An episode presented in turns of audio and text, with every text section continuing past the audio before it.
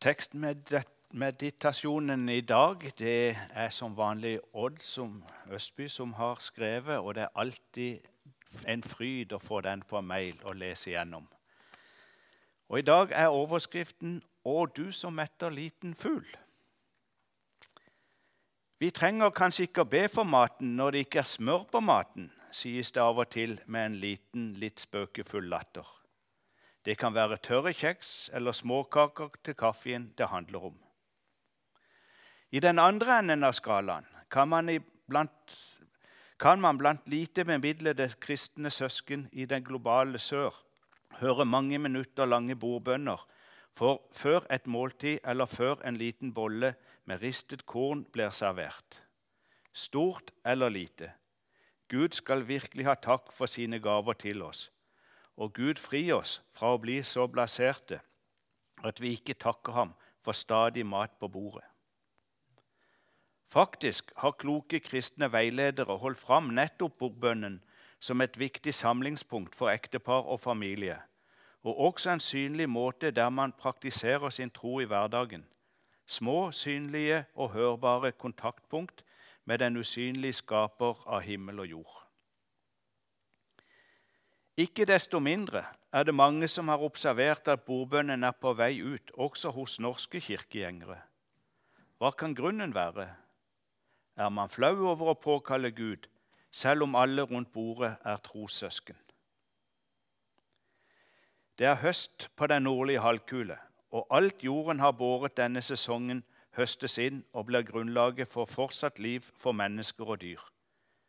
Fra Bibelens første blad trer bonden fram som en både selvfølgelig og uunnværlig komponent i det store maskineriet som vår menneskelige tilværelse på denne kloden er.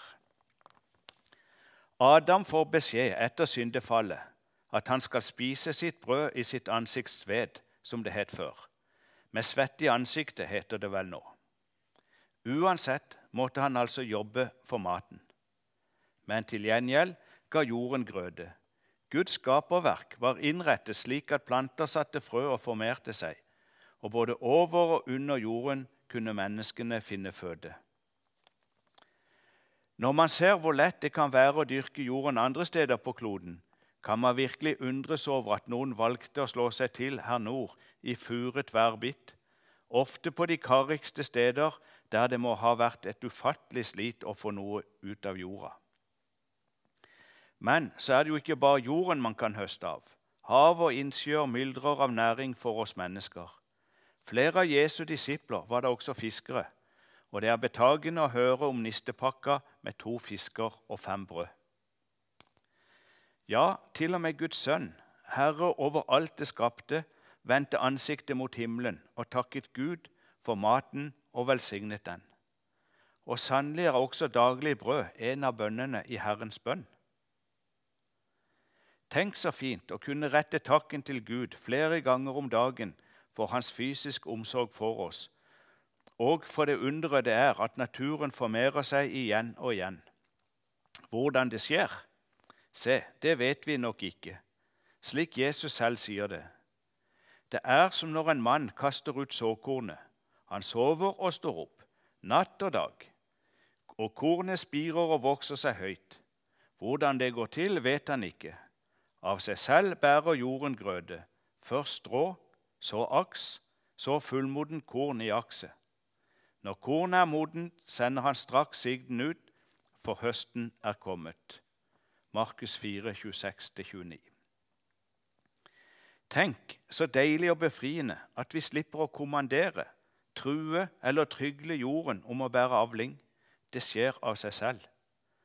Og slik alle vekster på jorden, enten de er til føde eller ikke. Alle er et resultat av at ett frø falt i jorden og døde.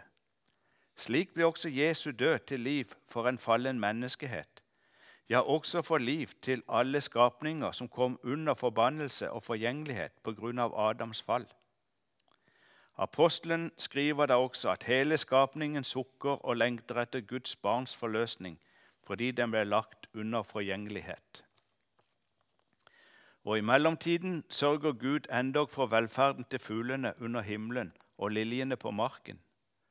Og vi er verd mer enn mange spurver.